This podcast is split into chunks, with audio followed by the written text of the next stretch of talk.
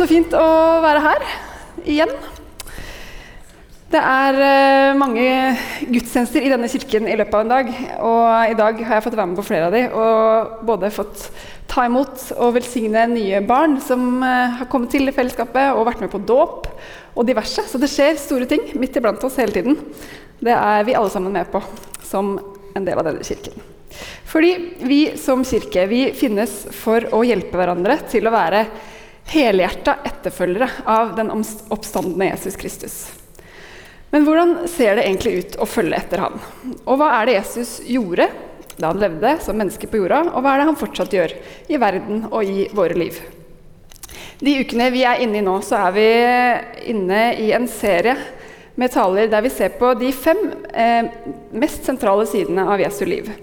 Det er Jesus som frelser, helliggjører, åndsdåper, helbreder og som konge som kommer igjen. Egil Svartdal starta denne serien forrige uke med å snakke om Jesus som frelser, og han eh, var godt i siget, så jeg vil anbefale å høre podkasten. I dag skal vi stoppe ved denne overskriften her. Jesus som helliggjører. Og Vi skal først se litt på helliggjørelse og hva Jesus viser oss om det. Og så litt på hva å re opp senga og sjekke e-post og ringe en venn kan hjelpe oss. Hvordan det kan hjelpe oss til hvordan vi kan forstå helliggjørelsen i våre liv. Men aller først så kan vi få reise oss opp. Litt gymnastikk. Så skal vi lese en tekst som vi skal ta utgangspunkt i, og så bare be kort. Og det er en tekst fra Johannes kapittel 17. Jesus holder sin siste tale til disiplene og ber for dem rett før han skal dø. Og da sier han, kapittel 17, vers 15. Jeg ber ikke om at du skal ta dem ut av verden, men at du skal bevare dem fra det onde. De er ikke av verden, slik jeg ikke er av verden. Hellige dem i sannheten. Ditt ord er sannhet. Som du har sendt meg til verden, har jeg sendt dem til verden. Jeg heller meg for dem, så også de skal helliges i sannheten.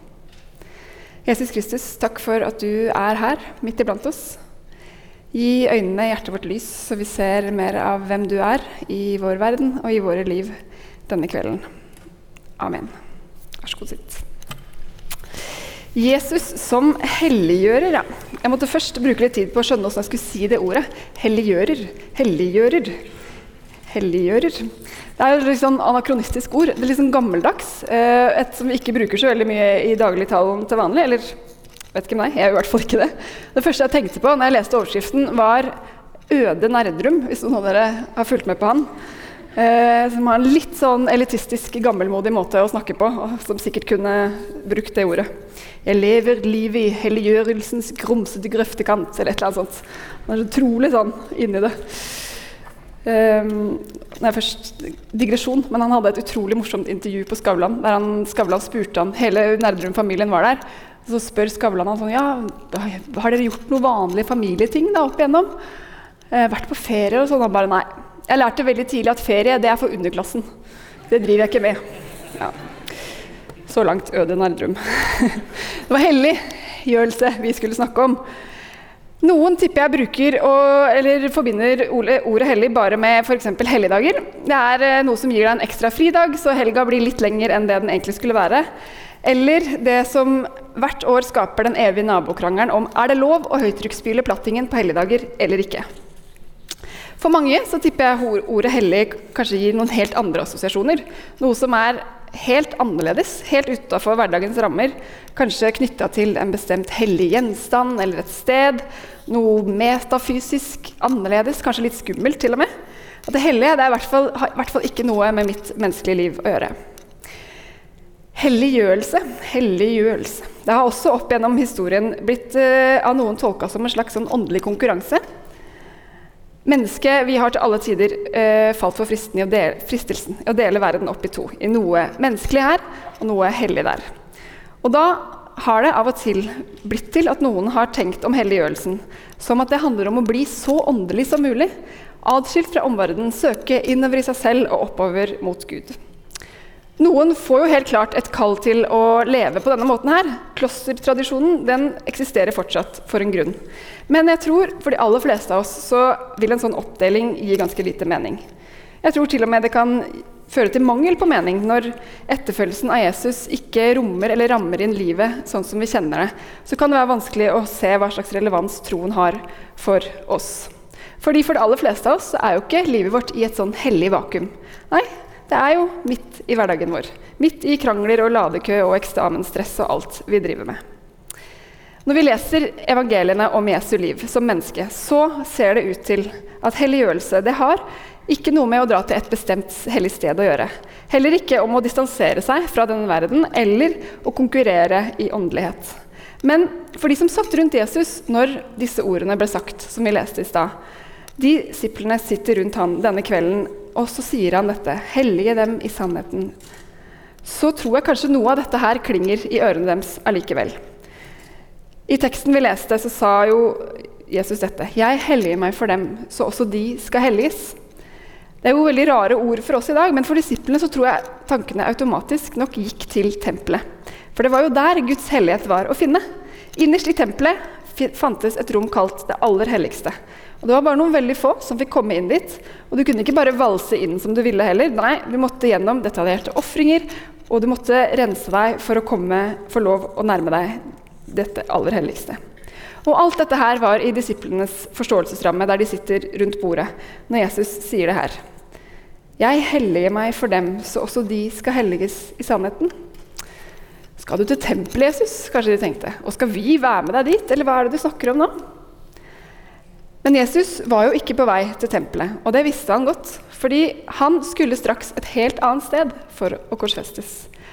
Golgata var et henrettelsessted for fanger og forbrytere, og som med god grunn var plassert langt utafor den hellige byen Jerusalem. Fordi å korsfestes det var ansett som det nedrigste av dødsmåter, og derfor måtte det holdes langt unna det aller helligste. Frem til nå har det vært sånn at om du vil nærme deg Guds hellighet, så har du måttet vaske deg og ofre og streve og kave for å prøve å bli ren nok og feilfri nok til å kunne nærme seg det aller helligste.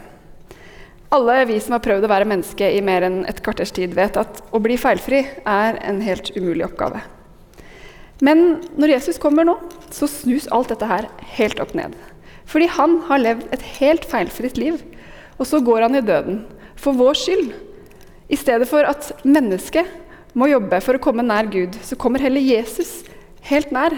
Og I stedet for at vi må kave og jobbe for å bli feilfrie nok, så lever Jesus det feilfrie livet.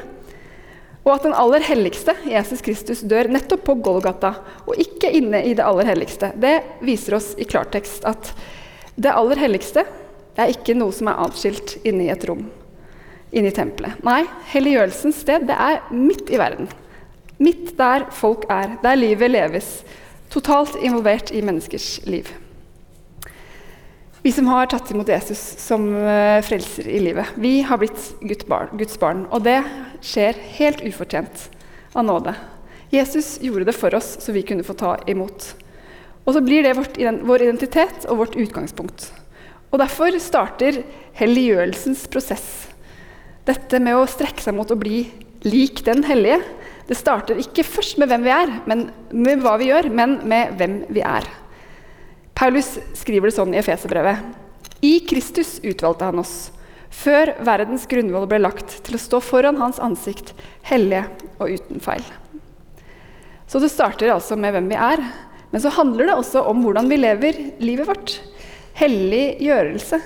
Å gjøre livet for å ligne den hellige. Og Paulus skriver om dette her også senere i det samme brevet, om hvordan vi nettopp skal leve ut vår identitet som hans hellige etterfølgere. Og da skriver han.: Bli derfor Guds etterfølgere, som hans kjære barn, og vandre i kjærlighet, slik også Kristus elsket oss og ga seg selv for oss. Så helliggjørelsen, dette med å bli lik den hellige, det er gave først, og så oppgave. Vi har fått bli Guds barn ufortjent gjennom at Jesus ga seg selv for oss. Og så er prosessen derfra å følge etter Jesus. Øve seg på å bli lik Han den aller helligste. Men da er jo spørsmålet hvordan gjør vi det? Hvordan kan vi øve oss på å ligne på Jesus og følge hans eksempel? Pave Frans utga for noen år siden et skrift som han kalte 'Om kallet til hellighet i dagens verden'. Og Der skriver han Hellighet er like mangfoldig som menneskelighet. Alle er vi kalt til hellighet, uansett hvilken rolle vi har. Ved å venne oss til Gud i hverdagen, ved å være vitner og ved å leve våre liv med kjærlighet. Det fins heldigvis ikke en standard oppskrift eller tre punkter du kan gjøre for å bli lik Jesus. Vi kommer uansett aldri til å nå frem. Men siden paven, selv paven, oppsummerer det i tre punkter Her kommer likevel tre punkter om hvordan vi kan hjelpes til å forstå hvordan vi kan forme, formes til likhet med Jesus. Punkt nummer én re opp senga. En stadig tilbakevendende diskusjon hjemme hos oss det er om, og i så fall hvorfor, vi skal gidde å re opp senga. Det er jo en del husarbeidsoppgaver man skal gjøre i løpet av en dag, men en del av de gir litt mer konkrete resultater. Det er udigg å spise middag fra en skitten tallerken, så vi setter selvfølgelig asjetten i oppvaskmaskinen for å ha rene tallerkener er ikke like given at hvordan den dyna ligger på dagtid på et rom som man uansett ikke er, har, om det påvirker søvnkvaliteten på natta. Noen mener ja, noen mener nei. Sånn kan man diskutere frem og tilbake.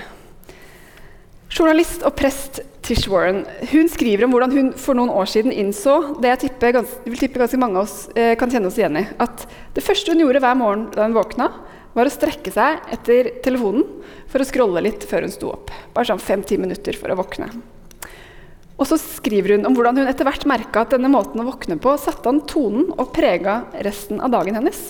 Så hun bestemte seg derfor i en periode for å hver morgen bytte ut scrollinga med å re senga og sette seg på den for å takke Gud og invitere han inn i en ny dag.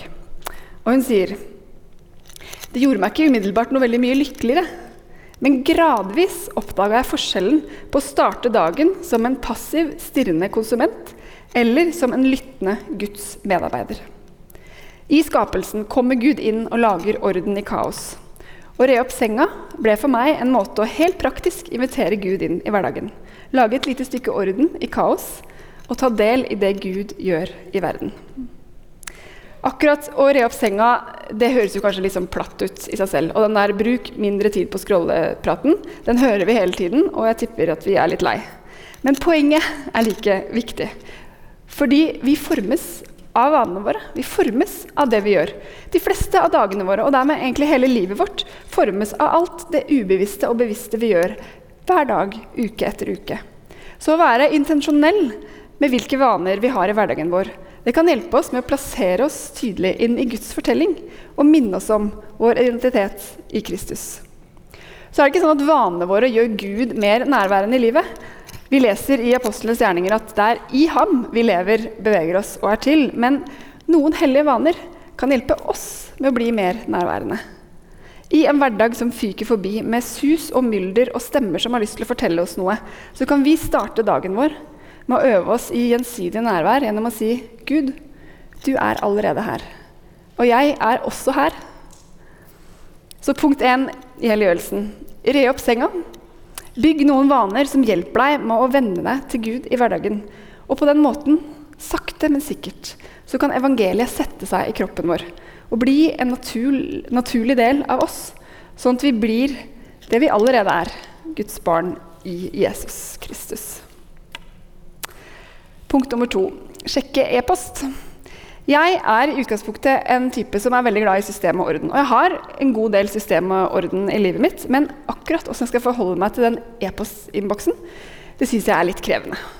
Det er en som heter Magne, som har gått her eh, på denne gudstjenesten i mange år, som for noen år siden prøvde å vise meg et genialt system, hvor du bare fargekoder litt sånn og systematiserer litt sånn, og vips, så har du tom innboks hver dag. Og det gikk sånn to dager, så var jeg tilbake der jeg var før jeg starta. Jeg tar noen dager innimellom. Jeg prøver å catche opp litt. Merke litt her, svare litt unna der, sortere litt. Grann. Men ofte så blir jeg sittende igjen og så tenker jeg sånn På min gravstein så kommer det til å stå tre tall. Når jeg ble født, når jeg døde, og antall uleste e-post i min innboks. Hver eneste uke i slutten av gudstjenestene våre så får vi motta velsignelsen, og så sendes vi ut. Men jeg syns, og kanskje syns du også, at det av og til kan være vanskelig å se hva velsignelsen og tilbedelsen på søndag har å gjøre med den litt overfylte og kaotiske innboksen på mandag å gjøre. Hva er egentlig sammenhengen mellom helliggjørelsen, vårt kall som kristne til å følge Jesus, og arbeidet vårt og jobben vår? Det fins mange forslag til hvordan det ser ut å følge Jesus i arbeidslivet vårt. Noen sier at det handler om å være personlig og evangelisere om Jesus til våre kollegaer. Andre om at det handler om at vi skal være sammen om å fremme sosial rettferdighet. Eller at det handler om å gjøre et godt, skikkelig godt stykke arbeid. Andre igjen mener at det handler om å tjene så mye penger som mulig, så vi kan være så sjenerøse som mulig, osv.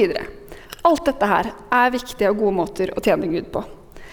Men jeg tror av og til også at alt dette her forvirrer oss litt. Noen ganger tror jeg det blir litt sånn overveldende, og så velger man kanskje én av de. Ok, jeg skal tjene mest mulig penger, og så går man all in på det. Og så prøver man å få alle til å gå all in på det, selv om det ikke passer for alle. Og så får man litt skylapper på den, det valget der. Eller så bare glemmer man det litt, som jeg tror Kirken av og til har gjort.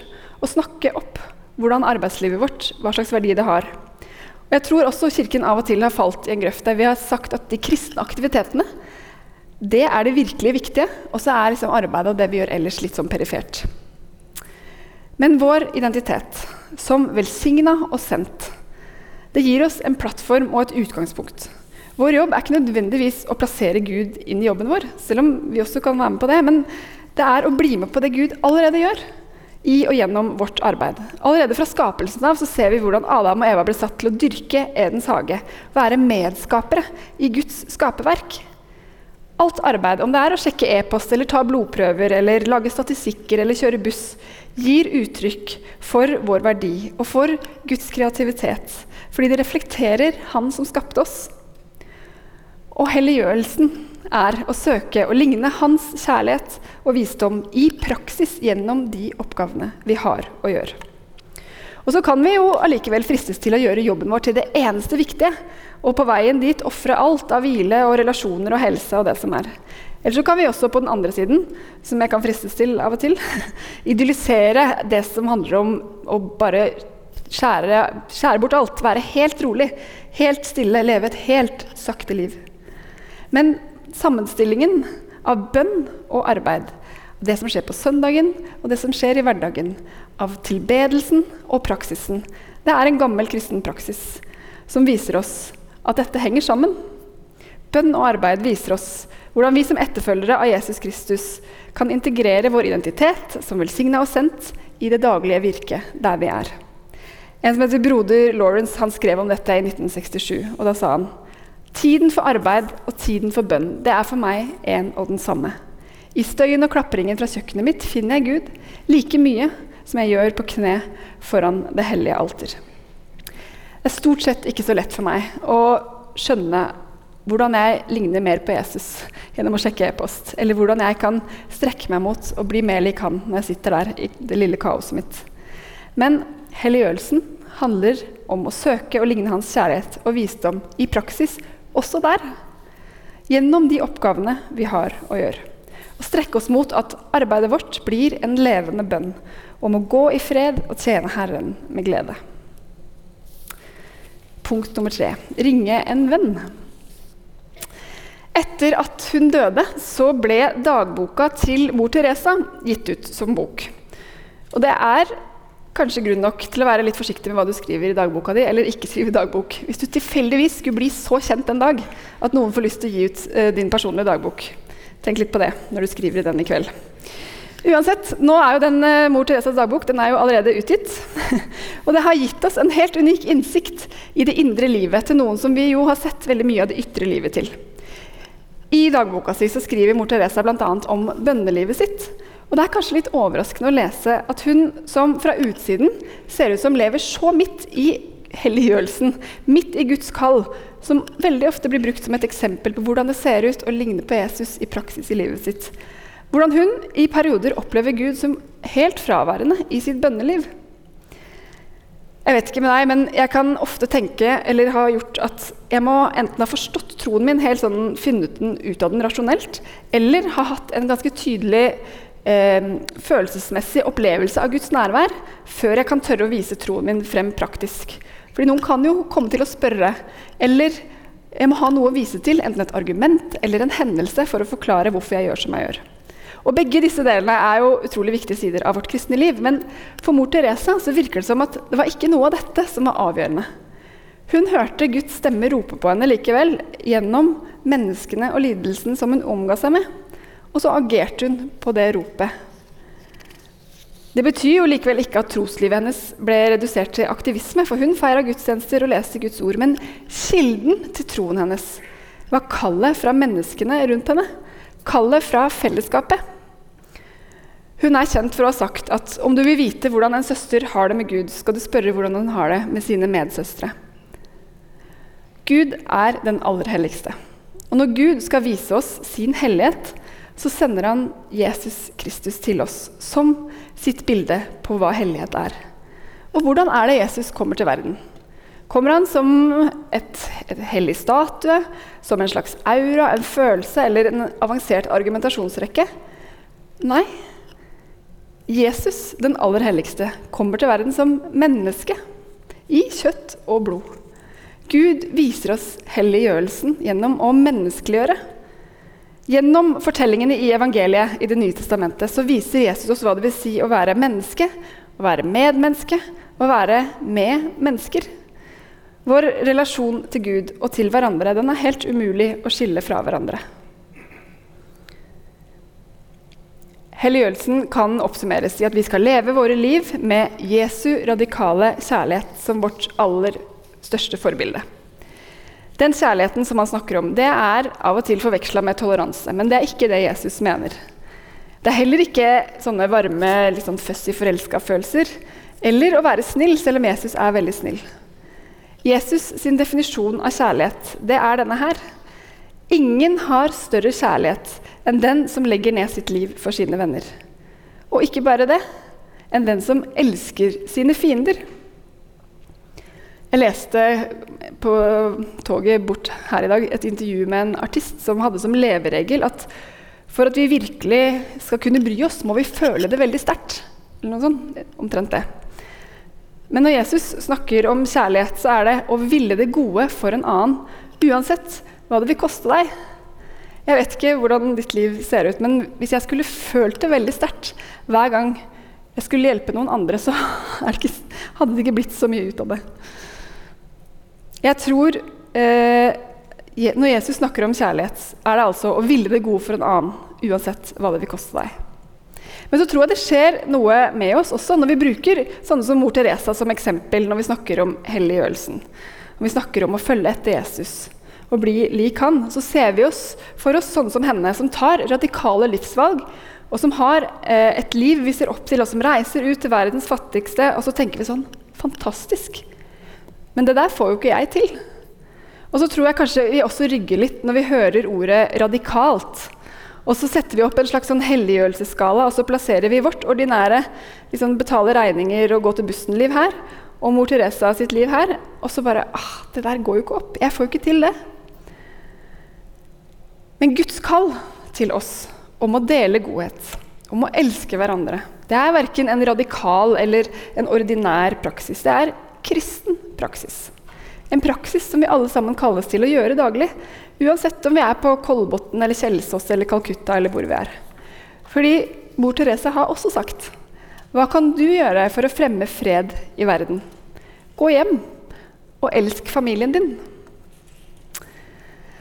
Denne livslange prosessen med å bli lik Jesus, helliggjørelsens prosess på det kristne språket, om å følge Jesu eksempel om radikal, selvoppofrende kjærlighet, som det jo faktisk er. Det er vi alle sammen kalt til. Og også midt i vårt vanlige liv, der vi er, er vi kalt til å dele godhet på de måtene vi kan på det stedet Gud har satt oss. Gjennom barneoppdragelsen, gjennom omsorgen for naboene våre, gjennom å ta klesvasken eller kjøre til fotballtrening, eller ringe en venn som trenger å bli lytta til.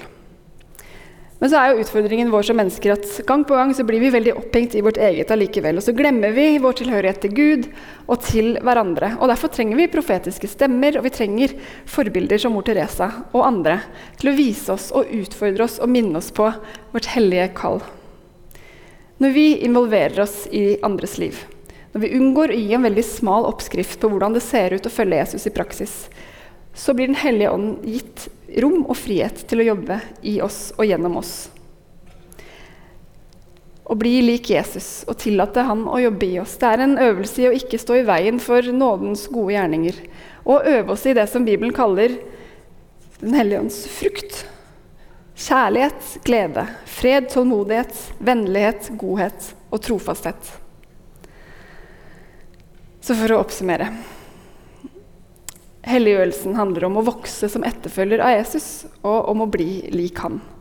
At vi kan la oss forme til likhet ved han gjennom å følge hans eksempel. Evangeliene om Jesus Kristus er det stedet vi kan gå til for å se hvordan Jesus levde. Og det er en eneste lang rekke fortellinger om hvordan Jesus er menneske, hvordan han er medmenneske, og hvordan han er med mennesker. Og Jesus viser oss at Kirken, både som kollektiv og som enkeltpersoner, vi er kalt til å være aktivt til stede og deltakende i vår verden. Og så er hellighet så mangfoldig som menneskelighet. Alle er vi kalt til hellighet, uansett hvilken rolle vi har. Til å venne oss til Gud i hverdagen, til å leve som velsigna og sendt, og leve våre liv ved kjærlighet. Så enkelt og så vanskelig. Og så er det også det som vi har sagt flere, flere ganger, at det er en prosess. I dag, nettopp nå så fikk jeg være med på at noen lot seg døpe i Filadelfia-kirken Lillestrøm. Og det er en hendelse han kommer til å se tilbake på for resten av sitt liv. Den dagen vendte jeg meg mot Gud. Og så derfra så kommer resten av livet hans og vårt til å være en prosess i å bli mer lik han. Og så er det noe vi kan hjelpe hverandre til. Og vi kan hjelpe oss selv. Vi kan være intensjonelle med vanene våre. Øve oss på å vende oss til Gud i hverdagen, sånn at evangeliet får sette seg i kroppen vår. Og så kan vi delta i det Gud gjør, gjennom å tjene Han med livene våre i arbeidet vårt. Og så kan vi se på Jesu eksempel på hva det vil si å være menneske, og hvordan han er med mennesker. Og ut fra det øve oss til å leve våre liv med kjærlighet. Ved å dele av Jesu grensesprengende kjærlighet og godhet de menneskene vi har rundt oss. Det fins en fantastisk sang som er en bønn om nettopp det, som vi nå skal få høre. Jeg skal avslutte med å lese det siste verset i dag fra Efeserne. Men vi skal være tro mot sannheten i kjærlighet, og i ett og alt vokse opp til Han som er hodet, Kristus. Ut fra Han blir hele kroppen sammenføyd og holdt sammen av hvert bånd og ledd, alt etter den oppgave som hver enkelt har fått tilmålt. Så kroppen vokser og bygges opp i kjærlighet. Amen.